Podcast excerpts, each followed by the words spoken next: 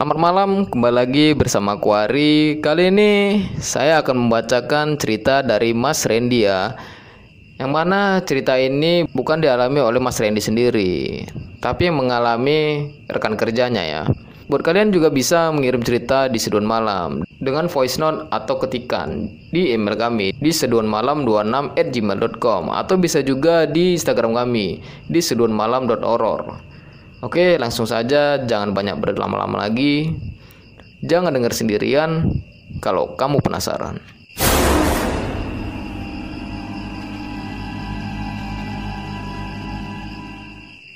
Assalamualaikum warahmatullahi wabarakatuh. Ini adalah cerita dari teman kerja saya. Namanya Mbak Arya.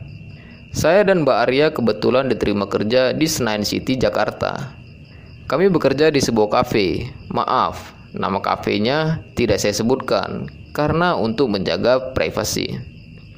Namanya kerja di kafe pasti kena shift, pagi dan sore. Kafe tempat kami bekerja terbilang ramai pengunjung. Terbukti dari banyaknya penjualan saat closing di laporan pendapatan kasir setiap malam. Hari itu saya dan Mbak Arya kena shift sore, seperti biasa. Kita ada overhandle dari yang shift pagi. Kerjaan kami di cafe itu menuntut kita harus bisa fleksibel. Kita jadi kasir merangkap waiter. Jadi tanggung jawab kita double gitu ya. Tapi alhamdulillah kami bisa handle dengan baik dan jarang sekali ada masalah. Semua berjalan dengan baik.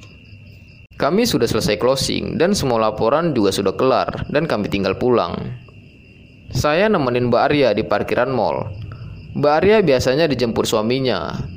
Tapi malam itu suami Mbak Arya datangnya agak telat jemput. Sebelumnya sudah telepon Mbak Arya untuk memberitahu. Saya nggak tega aja mau pulang duluan dan ninggalin Mbak Arya sendirian.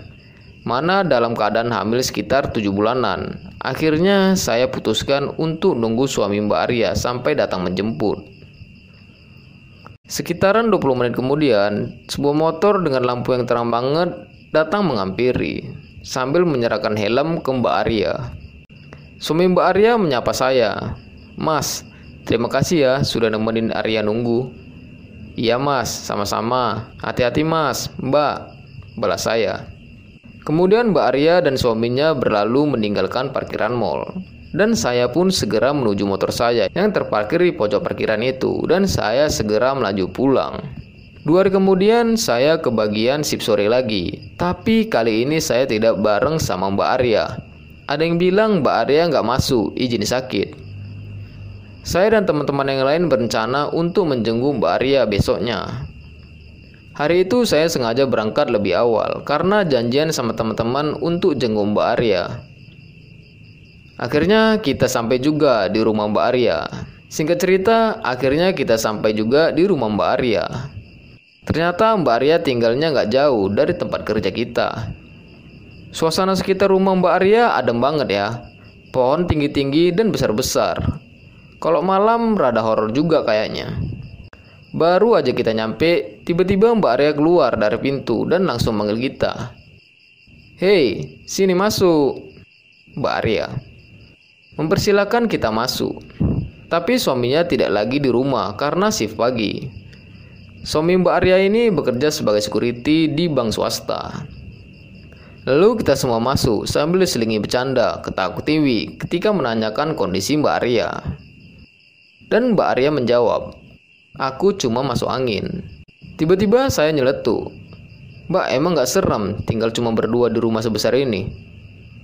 Ah, sudah biasa mah, nggak takut, jawab Mbak Arya dengan santai.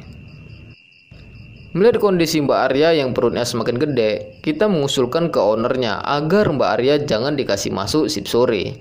Kasihan. Dan ownernya menyetujui. Pagi ini saya satu sip lagi sama Mbak Arya. Kami menjalankan aktivitas seperti biasa. Buka loreng door, nyiapin semua kodiman-kodiman, dan lain seperti biasa. Saat saya menyalakan mesin kasir, tiba-tiba Mbak Arya menyamperin saya seperti mau bilang sesuatu. Lalu dengan menarik napas sebentar, Mbak Arya ngomong, Kamu ada info kontrakan yang kosong nggak? Tanya Mbak Arya.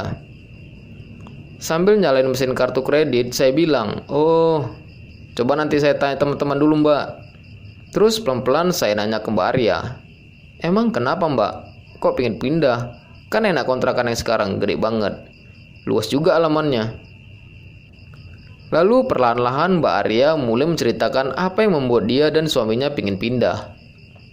Jadi gini, dua hari yang lalu suami aku kan kerja sip malam. Aku sendirian di rumah, aku nggak bisa tidur. Terus aku duduk aja di kamar. Gak tahu kenapa malam itu aku ngerasa dingin banget. Sampai aku pakai jaket, pakai selimut, tapi masih tetap dingin. Tiba-tiba pas aku noleh ke pojokan, tiba-tiba Mbak Arya menghentikan ceritanya dan terlihat ketakutan sampai menangis. Saya penasaran banget, tapi saya tahan karena melihat Mbak Arya kayak orang ketakutan banget. Mbak Arya sudah terlihat lebih tenang setelah minum air putih yang saya kasih. Ya sudah mbak, nggak usah cerita kalau bikin Mbak Arya seperti ini. Saya mencoba menenangkan. Aku nggak apa-apa kok, sahut Mbak Arya pelan. Kemudian Mbak Arya melanjutkan ceritanya. Jadi saat itu badanku berasa dingin banget dan seperti merinding semua saking dinginnya. Aku ngerasa seperti ada yang memperhatikanku di pojokan.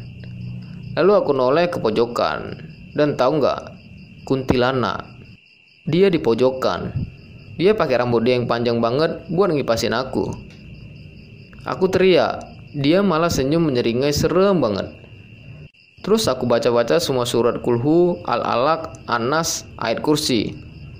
Akhirnya dia pergi menghilang, nembus jendela sambil ketawa nyeremin banget. Ya Allah mbak, serem banget, sautku. Ngerasa serem banget dengarnya, mungkin benar kata orang tua zaman dulu. Katanya kuntilanak itu senang banget sama perempuan hamil. Wangi katanya.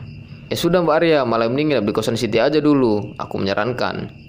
Nanti biar anak-anak bantuin suami Mbak Arya buat pindahan. Iya, terima kasih ya. Sama-sama Mbak, saya menjawab.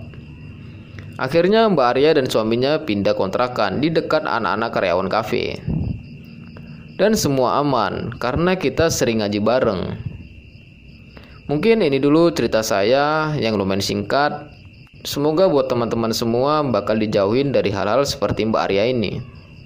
Terima kasih sudah membaca cerita ini. Semoga kita bisa mengambil hikmah dari cerita ini agar kita lebih mendekatkan diri sama Allah dan mohon perlindungannya di mana pun kita berada. Wassalamualaikum warahmatullahi wabarakatuh.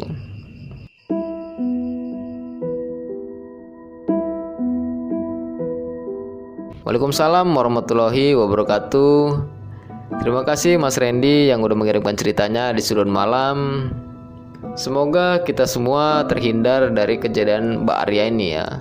Tapi memang betul, orang-orang dulu tuh bilang kalau misalnya memang wanita hamil itu memang disering apa ya, disering didatangin kuntilanak gitu ya.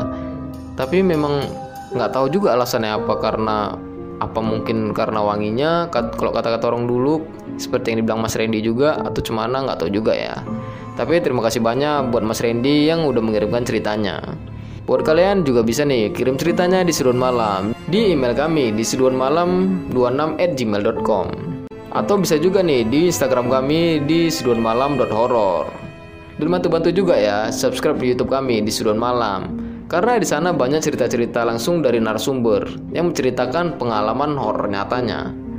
Oke, segini dulu. Aku Ari pamit. Selamat malam. Sampai jumpa di episode selanjutnya.